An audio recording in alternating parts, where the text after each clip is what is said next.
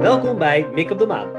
In deze podcast interview ik mensen die mikken op de maan en ik stel ze drie grote vragen. 1. Wat is je bedoeling? Op welke maan mik jij? 2. Hoe geeft die maanmissie vorm aan het avontuur wat je leeft? En 3. Heb je reistips voor andere astronauten?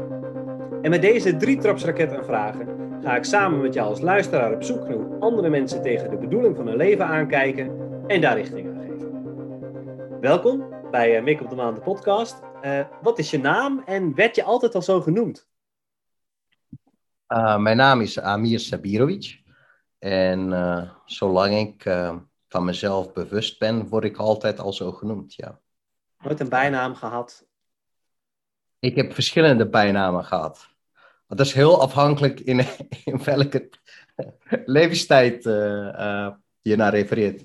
Bij, uh, toen, ik, toen ik nog jong was, toen werd ik chubby genoemd. En de chubby was altijd dat ik het had over dames die een beetje, zeg maar, gezwollen niertjes hadden. Zoals ik het altijd zei, en die noemde ik dan chubby. En zo werd ik chubby. tegenwoordig van, tijdens mijn mentoring, uh, wat ik mentor mensen, professionals en jonge studenten, word ik comfortabele baksteen genoemd. Dus het, zijn twee uitersten van de niks, maar uh, ja. Ja, zo, en namen zeggen heel veel natuurlijk. En heb jij een idee waarom je ouders jou Amir hebben genoemd? Um, nou, dat is een hele goede vraag. Mijn moeder die zei toen ik geboren werd dat ik een hele grote witte plek had op mijn hoofd. En zij zei van, je bent voorbestemd voor iets meer. Dat, is, dat, dat zijn haar woorden. Uh, en als ik er naar kijk, mijn naam komt uit Perzië, Amir. Dus een legeraanvoerder, leider, uh, prins.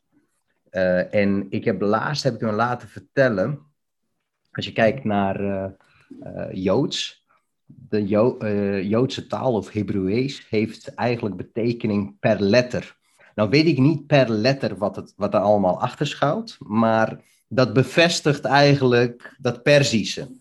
Dus ja, er zit, what's in a name?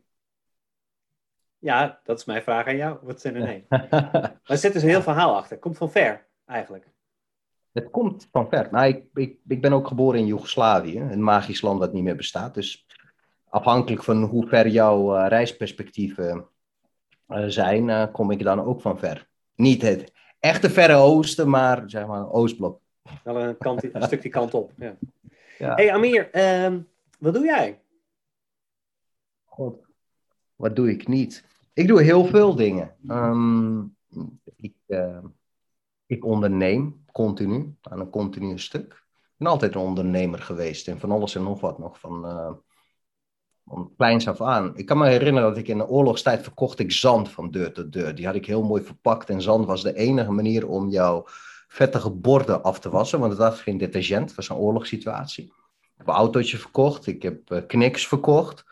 Um, in Nederland organiseerde ik feestjes, brandde ik cd's en die verpakte ik in originele hoesjes en die verkocht ik dan weer door. Ja, ik heb me overal wel altijd, altijd met ondernemerschap uh, bezig gehouden. Uh, softwarebureaus gehad, softwarebureaus opgezet, startups opgezet op kunstmatige intelligentie, academies opgezet. Ja, weet je, alles wat me van straat kon houden. En als ik eenmaal een idee heb, dan ga ik het gewoon uitvoeren. Dus ik ben niet zo van, ja, weet je, ik heb het ergens gelezen. Nee, ik heb het gedaan. Ik ben of uh, dramatisch gefaald op falen is, is ook niet echt het juiste woord. Ik heb ontzettend veel geleerd. En dan heb ik meteen toegepast in een volgende risicovolle onderneming. En is het dan, maakt het je uit waar je in onderneemt? Of is het gewoon het ondernemen wat je gewoon nou, ontzettend drijft? Nou, ik ben ontzettend nieuwsgierig, Erik. Um, en, en ik ben, alles wat ik in theorie hoor, probeer ik dan ook toe te passen. Als ik kijk naar de pilaren die mij drijven, dan is het altijd stoïcisme dat vind ik zeg maar de oude, uh, de, de, de, de, oude filosofie. Uh, dus ik ben heel filosofisch stoïcijns ingesteld. Dat vind ik een heel een boeiende onderwerp. Um, ik vind technologie, alles wat met technologie te maken heeft en hoe dat aan elkaar is gekoppeld in een holistische view of helikopterview over dat geheel, dat vind ik heel, heel indrukwekkend. En business. nieuwe businessmodellen, strategie, communicatie, hoe breng je dat nou naar de markt toe, wat zijn er interesses. Dus die drie probeer ik altijd, in alles wat ik doe, probeer ik die drie te combineren. Mooi. Dus als je zegt, uh, als ik een week met je mee zou lopen, dan zie ik jou vooral veel ondernemen. Uh, en altijd als het gaat over stoïcisme, gaat volgens, voor mij heel erg over beïnvloed datgene wat je kunt beïnvloeden en laat los wat je los kunt laten. Uh, dus, je, dus je probeert je eigen wereld zo groot mogelijk te maken en dan doe je dat vooral in de richting van op, op die plekken waar techniek en ondernemerschap bij elkaar komt. Zeg ik het goed? En, ja, en mens. Ik vind, ik vind het menselijke, kijk, wat je ziet is dat heel veel wat er nu in, in de wereld gebeurt, is dat natuurlijk wij denken dat technologie een soort ei van Columbus is voor alles. Dus wij denken dat techniek de wereld gaat uh, oplossen. Of de wereldproblematiek gaat oplossen. Maar dat is absoluut niet waar, want mens staat nog steeds centraal. Dus um, ik vind technologie belangrijk, maar ik vind mensen en menselijk zijn vind ik nog belangrijker. En in alles wat ik doe, probeer ik mensen centraal te stellen en te kijken van hoe je technologie kan inzetten, zodat je kan focussen op uh, zaken die er echt toe doen en de technologie dat, doet, dat laat doen wat technologie het beste kan. Dus ik, hoor, ik weet nu een beetje wat je doet en ik weet ook een beetje waarom je dat, dat doet en wat, je, mm-hmm. wat jou als persoon aandrijft. Maar wat wil je daarmee betekenen? Wat wil je bijdragen aan de wereld? Uh, ik weet niet of ik, weet je, ik ben niet van die megalomane legacies en uh, ik wil dat ik herkend word en et cetera. Uh, weet je wat ik heel belangrijk vind, Erik? Ik vind uh, menselijke groei vind ik heel belangrijk en daarmee bedoel ik eigenlijk, ik ben dankbaar dat ik deel mag uitmaken van ieders reis. Dus iedere persoon die mij vraagt om hem of haar te helpen. En als ik hem of haar zie groeien, dan is dat voor mij voldoende. En ik ben dan dankbaar dat ik een onderdeel was van die reis. En hoeveel mensen dat zijn, hoeveel groot dat moet zijn, et cetera. Gewoon stap voor stap. One random act of kindness at a time. Nou, je zegt dat het iets kleins is wat je daarmee betekent, maar volgens mij, uh, als je dat bij een aantal mensen doet, dan uh, kun je grote dingen in beweging brengen, toch? Ja, dat zou best kunnen, maar eh, dat moet niet het doel zijn. Als je nee. onbaatzuchtig bezig bent, dan is, ben je niet bezig om daarvoor een dankje wel te krijgen of et cetera. Maar ja, het is, um, je, je, hoopt dat je iemands dag kan maken. Dat is net zoals je als je door de straat loopt. Mijn vrouw die verklaart me altijd voor gek, want ik zeg gedag tegen iedereen en, en ik lach. Um, de luisteraars kunnen het niet zien, maar je ziet dat ik gewoon een brede joker smile heb. Um, en je weet nooit hoe dat een andere persoon. Misschien zit hij in, heeft hij donkere wolken over zich. Of heeft hij net dat lachje, net die groet. Die kan zijn dag maken. Waarom zou je dat niet doen? Als iedereen dat zou doen, moet je je voorstellen. Wat een geweldige wereld wij zouden hebben. Ja, ik doe mij denken aan een verhaal wat ik zelf heb meegemaakt. Toen ik uh, was 16 jaar oud. Ik was alleen thuis. En ik zat de documentaire te kijken over het plein van de Hemelse Vrede. En uh, de ellende die daar had plaatsgevonden. En mijn vader en moeder kwamen terug van een feestje. En ik werd echt boos op mijn vader. Want ik zeg, wie ben jij nou eigenlijk? En wat, wat, wat betekent jij nou eigenlijk? Um, uh, werkte bij een woningcorporatie ergens uh, diep in Friesland. En hij zei, ja Erik, ik probeer gewoon het goede te doen in mijn eigen omgeving. En als iedereen dat zou doen, dan uh, werd de hele wereld uh, een stuk beter. Dat heeft mij altijd geïnspireerd om, nou ja, je hebt dan die grote Joker smile. Ik vind het nog wel eens lastig om die vast te houden, maar ik probeer hem elke dag wel weer op te zetten. Is dat, heb jij dan ook zoiets meegemaakt dat maakt dat je zegt van, dat is de rol die ik wil spelen, die, die, is daar tot stand gekomen, die is daar begonnen? Nou, weet je wat het is? Kijk, de, onze ervaringen door het leven heen, die maken ons tot uh, de mensen die we vandaag zijn. Uh, ik heb natuurlijk toen ik jong was, jaar of 10, 11, heb ik een burgeroorlog in uh, voormalig Joegoslavië meegemaakt. Dat is mijn referentiekader. dat betekent dat alles daarna, ja, weet je, wat, wat, is dan ernstig in het leven? Vraag je dan af. Um, en je kan jezelf, zeg maar, kwellen door vast te blijven steken in het verleden. Daar kom je niet vooruit. Je kan ook te veel over de toekomst nadenken. En dan kom je ook niet vooruit, want dan ga je verheugen of juist heel, heel veel piekeren over de toekomst. Dus als je nou in, in, in het moment leeft, in vandaag, um, pluk de dag, en dat teruggeeft, um, dan is dat het beste wat je kan doen. En ik denk dat dat de situatie waar ik uit voortkom, daarvoor heeft gezorgd. Want in feite, in, in, in dramatische situaties of tijden van oorlog, et cetera, heb je juist dat hè, van dag tot dag. Je hebt niets om naar vooruit te kijken, want elke moment kan jouw laatste zijn. Ehm, en eigenlijk beseffen wij dat als mensen niet, dat dat ook in een rustige, welvarende, mooi land als Nederland, dat ook het geval kan zijn. Je weet nooit wat er kan gebeuren. Ik zie niet dat je dramatisch moet gaan doen. dat, uh, dat allemaal ernstige dingen kunnen gebeuren. Absoluut niet. Maar voor hetzelfde geld ben je aan het fietsen, word je aangereden. En uh, gaat het licht uit. Weet je niet. Kan gewoon gebeuren. En dan, dan zou je toch balen dat je niet echt hebt geleefd. Voluit hebt geleefd. In die dag. Ja, dan ga ik nu drie hele ingewikkelde vragen stellen aan je, Amir. Want uh, vraag 1 is altijd, waar kom je vandaan? Vraag 2 is -hmm. altijd, waar sta je dan nu? En vraag 3 is altijd, waar ga je dan naartoe? Maar zijn dat dan irrelevante vragen voor jou? Of zit daar echt dat zijn. Dat zijn, dat zijn relevante, irrelevante vragen. Want wat ik, uh, wat ik tegen jou zei, alle ervaringen die je in je leven meemaakt, dat zijn lessen. Um, dus ja, je moet ervoor zorgen dat die, dat die zaken jou iets leren, dat je mee, uh, meebrengt. Dus is jouw verleden belangrijk voor de toekomst? Ja, want je hebt ervan geleerd. Um, ja, uh, ga ik me verheugen op de toekomst? Nee, die komt gauw genoeg, zoals Einstein zei. En het is helemaal niet belangrijk. Het is belangrijk hoe ik vandaag hier in het hier en nu ben. En het enige wat ik uh, vandaag kan geven is mijn tijd. En die deel ik samen met jou. En daar ben ik dankbaar voor. En we zijn alle twee aan het lachen. Ja, dat zien de luisteraars niet, maar dat is wel waar. Ja. Ja. Um, Amir, ja, dan toch gewoon de vraag: waar kom je vandaan? Ik kom uit een hele mooie stad, uh, genaamd Bihać, in uh, voormalige Joegoslavië. Joegoslavië. Nog steeds Joegoslavië, ben ik stiekem trots op dat het Joegoslavië is. Tegenwoordig zijn het bananenrepublieken waar ik helemaal niet in geloof, maar dat even terzijde.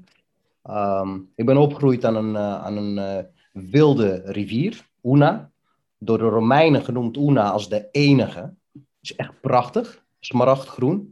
Echt, uh... en uh, mijn hobby was altijd tegen de stroom inzwemmen. Dat is ook met karakterstrekje. Als iedereen zegt naar links, dan zeg ik al rechts. Al is het om hun keuze te tarten. Dat zit gewoon in me. Uh, ja, daar, ben ik opgegroeid uh, tot 94. En 94 ben ik naar Nederland gekomen. En nu woon ik in een stad, wat ik thuis noem, is Deventer. En Deventer doet me heel veel denken aan de stad waar ik vandaan kom. Waarom? Uh, het heeft ook een hele mooie stadskern met een kerkje, uh, IJssel die er stroomt, lekker, lekker ancient. Ons kent ons cultuur, oude gebouwen, een hele mooie plein met heel veel restaurants en cafés. Ja. Je voelt een geschiedenis. En het water is er. Ja, ja, ja. Water, geschiedenis, alles klopt. En het is lekker rustig, weet je, niet de Randstad gekte. Als je zou moeten zeggen waar je dan nu staat, dat jongetje uit Joegoslavië die tegen de stroom inzwom. Mm -hmm. Die is er nog steeds, joh. Ik ben, ik, ben niet echt, ik ben echt niet opgegroeid, hoor. Ik heb, uh, ik heb mijn, mijn 18e verjaardag voor de 20ste keer gevierd, zeg maar. Ik blijf altijd een kind. En waar sta je dan nu? Dus eh, inderdaad, uh, 18-jarige jongen, ergens in Deventer. Mm -hmm. hoe, hoe waardeer je dan die plek waar je nu bent in je leven? Ontzettend. ik weet niet of je, of je dat weet, maar ik geloof dat uh, boeddhistische monniks, die, uh, die, die moeten, s ochtends moeten ze opstaan en dan moeten ze beginnen met, uh, ik geloof, tien of twintig dingen waar ze dankbaar voor zijn. En die mogen niet materialistisch zijn. Um, ja, mijn ogen, ik ben dankbaar voor jullie, want jullie verschaffen mij zicht op de wereld. mijn hart, want die plop pompt. nou. En zo sta ik ook elke dag op. Dus ik ben dankbaar voor de kleine dingen uh, die het leven mij heeft gegeven. Ik ben dankbaar voor de omgeving waarin ik opgroei. Ik ben dankbaar dat ik Nederland mijn thuis mag noemen. Um, ik ben dankbaar voor de mensen om me heen die van me houden, waarvan ik hou. Ik ben dankbaar voor uh, mensen die mij uh, de mogelijkheid hebben gegeven om een onderdeel van hun reis te zijn. Um, en ik ben dankbaar dat ik continu elke dag aan het leren ben. Dus daar sta ik nu. Ik ben elke dag ben ik me verder aan het ontwikkelen. En, en dat vind ik heerlijk. Dat is een geweldige journey. Ja, dus die jongen van 18, die blijft nog wel even 18? Die blijft nog zeker tot mijn dood. Ik wil echt niet opgroeien, joh. dat is saai. En uh, hoe zien de volgende stappen er dan uit? Dus je ziet uh, dan een beetje zo uh, in de mist van de toekomst de eerste stap zie je liggen. -huh. welke, welke stappen ga je de komende periode maken? Werkelijk geen idee. Weet je, dat, dat is juist het probleem van, van, van de huidige samenleving. Hoezo moet je ergens op sturen? Ik ben overigens een hele grote fan van de film Fight Club. Hou eens op met sturen. Leef gewoon. Geniet nou een keer. Hoezo moet jij voldoen aan een, aan, aan een maatschappelijk construct van, van plannen? Dat is zo saai. Dat is echt super saai. Dan ben je nooit verrast. En als het gebeurt, dan geniet je niet echt van het moment. Je laat je echt niet verrassen. Ik, ik ben bewust, hè, projecten kan je plannen, strategie kan je uitzetten. Ik ben van huis uit ben ik een stratege, een digitale stratege, met uh, een stukje kunstmatige intelligentie als uh, smaakverrijking. Weet je, als je alles, alles, alles in het leven gaat plannen, weet je, dan word je zo'n mens zegt ik ga trouwen, ik ga twee kinderen hebben, en een hondje en een huisje en dit en twee keer op vakantie en dit en dat. Het is zo voorspelbaar. Oh, wat saai. Volgens mij heb jij een hartstikke duidelijk plan voor de komende periode. Ja, Alleen uh, gewoon gebeuren. Ik laat ja, dingen dat, je, gebeuren. dat je de dingen gaat laten gebeuren, dat is je plan. Ja, dat is mijn plan. Ja, ja. ja. en uh, ik noem dat dan ook altijd: uh, uh, hoe blijf je op koers naar je bedoeling? Ik, ik, kom ook mensen tegen die voor zichzelf helemaal hebben uitgestippeld wat ze exact willen bereiken, maar het, leven is nogal onvoorspelbaar. Dus als je van jezelf weet wie je bent, wat je doet, waarom je dat doet en wat je daarmee wil bijdragen.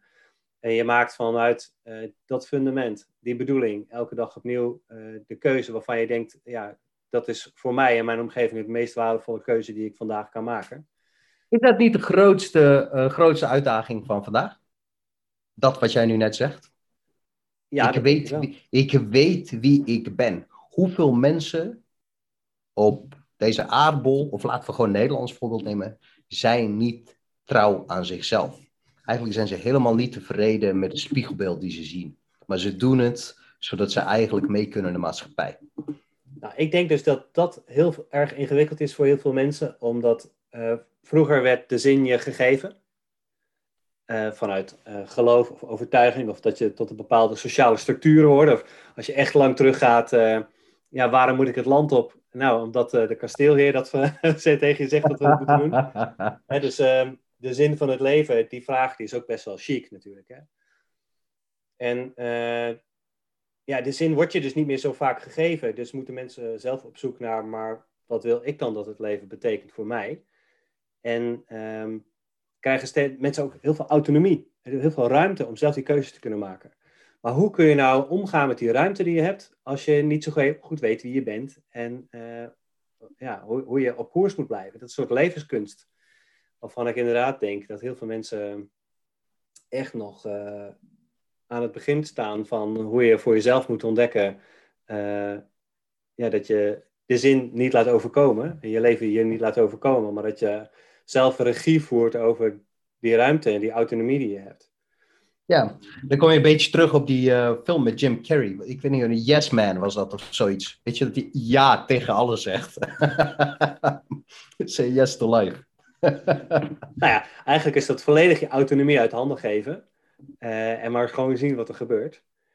Uh, dat, is, dat is denk ik de ene uiterste van het spectrum. Maar de andere uiterste van het spectrum is dat heel veel mensen zeggen nee tegen het leven. Hè, dus, dat was volgens mij, Roosevelt heeft zoiets gezegd dat het ergste is wat je kan overkomen. Nee, wat is Sommige mensen. Nee, sorry.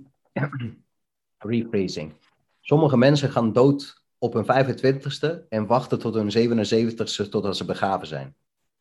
Ja, nou, ik ben heel veel mensen tegengekomen die uh, uh, iets, iets overkwam. Ik was reintegratiecoach ooit bij het UWV en dan word je werkloos en dan word je ineens gedwongen om na te denken over wat, maar wat wil ik nou eigenlijk? Wat is nou eigenlijk de bedoeling van mijn leven? Hoe ga ik zelf betekenis geven? Want niemand zegt meer tegen me wat ik vandaag moet doen op mijn werk. En ja, daar heb ik wel geleerd dat echt 9 op de 10 mensen heeft echt geen idee hoe ze ervoor kunnen zorgen dat ze zelf regie voeren over wat hen overkomt. Dat is echt verbazingwekkend. Ja. Dus, ehm, Ja, ik denk, ik denk dat je hartstikke gelijk hebt. Dat mensen ervoor kiezen om uh, de zin van het leven bij iemand anders te parkeren. Ja, en als dat de bewuste keuze is, is het niet erg, hè? Ja, ja, de vraag is of dat... Ik, ik ben ervan overtuigd dat wij uh, het resultaat zijn van drie dingen. Ten eerste van onze ouders. Dus daarvan krijgen we meer uh, hoe wij naar het leven kijken. Dus hoe open-minded we zijn. De tweede is je directe omgeving. Dus waar, waar groei jij op? Uh, groei jij op in een achterstandswijk? Of groei jij op in een volkswijk? Of groei jij op in, uh, weet ik veel, in Wassenaar? Uh, of Lagen? Um, um, dus dat, dat, is, dat is zeg maar de tweede invloedsomgeving. En de derde zijn de leraren. En als alle drie fout zijn, fout, of in ieder geval niet inspirerend of stimulerend zijn voor je, dan kan jij nog eens je afvragen of dat, dat jij jezelf geen zin kan geven of de zin van het leven kan inzien, of dat nou echt alleen aan jou ligt of aan die drie factoren. Ja, nee, er is ook geen schuld, hè? Dat is er niet. Nee, nee, nee, nee, ik praat ook geen schuld aan, maar ik wil alleen maar zeggen, kijk, uh, dat zegt ze ook van ja, ja, ja, maar waarom, uh, waarom, zijn het, uh, waarom is het Steve Jobs wel gelukt en Jeff Bezos en et cetera? Er zit ook gewoon een hele grote lading geluk bij, Erik. Weet je, als Steve Jobs in Sarajevo was geboren in jaren 90, dan was er niets van Apple gekomen. Dat kan ik je op een briefje meegeven. Ja, nee, dat is ook waar. Je hebt een beetje mazzel nodig. ja, je hebt een beetje ja. mazzel nodig, ja. Geluk kun je afdwingen, zegt Cruijff dan, maar daarvan zeg jij van, dat is maar voor een gedeelte waar natuurlijk. Dat is voor een gedeelte waar, ja. Toeval, toeval kan je sturen. Ofwel, je moet jezelf plaatsen daar waar je geluk je kan vinden. hey Amir, um, dingen breng je voortdurend uit balans. Hoe zorg jij ervoor dat je op koers blijft? Je gaf al een mooi voorbeeld, hè? elke ochtend opstaan en kijken naar wat er te waarderen valt. Maar zijn er meer dingen die je doet om uh, op koers te blijven? Ja, ik, ik heb je net uh, verteld dat ik uh, drie pilaren heb. En één daarvan is stoïcisme. En ik probeer dingen die, ik, uh, die uit de externe wereld komen, dus die ik niet kan sturen, die ik niet kan beïnvloeden, probeer ik ook niet tot me te nemen. Dus bijvoorbeeld, ik heb al tien jaar geen nieuws gekeken. Het zou wel toeval zijn dat ik nieuws zie of hoor als ik ergens op bezoek ben, als ik bij mijn ouders langs ga. Eigenlijk interesseert het mij helemaal niet. Weet je wat er allemaal in de grotere buitenwereld speelt, in politieke issues en et cetera. Dus ik heb een uh, hele uh, ik ben heel selectief uh, met betrekking tot nieuwsbronnen en informatie die ik tot me neem. Ik lees ook heel veel. En dan weer langs die drie pilaren die ik ook heb genoemd. En ik focus echt op dingen die mij energie geven. Dus op mijn vrouw, op mijn zoon, uh, op mijn ouders, op een paar goede vrienden. Mensen die mij ook inspireren, die ik inspireer. Dus waarvan, zeg maar, um, waar, met wie ik kennis kan uitwisselen concepten, ideeën, ondernemersideeën, noem het maar op. En ik vermijd alle energievampiers. Die heb ik uitgebannen uit mijn leven. Mensen die altijd een soort donkere wolk als die smurf in, uh, in, uh, in uh, Smurfendorp. Weet je, dan had je altijd zo'n zo, zo haatsmurf. Je hebt van die mensen die ook zo rondlopen. Ja, fuck off. Helemaal geen tijd voor. Dus heel Dat is mijn recept. Ja. Ik ben heel selectief. Nou, en ik ben heel comfortabel met mezelf. Ja, volgens mij uh, ontwerp je gewoon je eigen omgeving. Als ik je zo wil. Ja. Dus ben je, ik ben, ben je ik ben in dat opzicht. Ja, en ik ben, wat dat betreft ben ik antisociaal. Niet asociaal, maar antisociaal. Dus zaken waar ik. En die, tegenwoordig kan je ook geen dialoog voeren met mensen. Iedereen probeert je te overtuigen van zijn of haar mening. Denk je, we kunnen gewoon het eens zijn dat we het niet met elkaar eens zijn. Dat is toch ook prima? En als iemand echt met argumenten komt waarvan ik denk, hé, hey, ik heb daar nog nooit over nagedacht, of het is een onderwerp waar ik uh, heel weinig van weet, dan ga ik het onderzoeken en neem ik het me en dan kunnen we verder met de dialoog. Dat is, op een of andere manier zijn we, zijn we het gevoel daarvoor kwijt. Ja, soms zit het tegen in het leven, dan uh, is er een obstakel uh, op de weg. Hoe ga mhm. jij om met obstakels? Er zijn geen obstakels. Die bestaan niet. Het is hoe jij omgaat met, met, uh, uh, met dingen die anderen beschouwen als obstakels. Dat is ook een perceptie. mij zal je ooit nooit, nooit horen zeggen dat iets moeilijk is of complex en et cetera. Op het moment dat je dat zegt, dan heb je al een barrière gevormd in je hoofd. Dus als je daarmee aan de slag gaat, dan zal het ook echt een obstakel zijn. Dus ja, als je gewoon alles vanuit positieve gedachten. Het is echt een pipi langkous mentaliteit. Zelfs als ik dingen nog nooit heb gedaan. Ja, ik denk dat ik het kan. Ik ben ervan overtuigd dat als ik zou willen uh, vliegen, dus piloot worden, ja, dan zou ik echt even achter de boeken moeten gaan zitten, maar dat ik het wel kan. Growth mindset noemen ze dat. Hè? Dus het, uh, de kracht van het woordje nog. Hè? Dus, sommige mensen vertellen zichzelf, ik kan niet vliegen. En andere mensen vertellen zichzelf, ik kan nog niet vliegen. Wat niet betekent dat je gaat leren vliegen, maar het is ineens al een optie geworden. Maar dat is dan, ja. Uh, ja. Dus het is het verhaal wat je jezelf vertelt, is super belangrijk. Ja, ik kan iets niet, dan leer je. Ik heb, ik, dat is ook hoe ik mijn uh, zoon uh, opvoed. Ik ook tegen hem, als iemand zegt dat iets niet mogelijk is, bedenk goed dat dat zijn verhaal is. Dus hij vertelt wat voor hem onmogelijk is. Voor jou is alles mogelijk, zolang je maar daarvoor wil zweten. Pik je doel uit en pay the price. Want in alles moet je uren en tijd insteken. That's it. Hey Amir, stel je ging echt naar de maan. Wat nam je dan mee? Zuurstof zeker.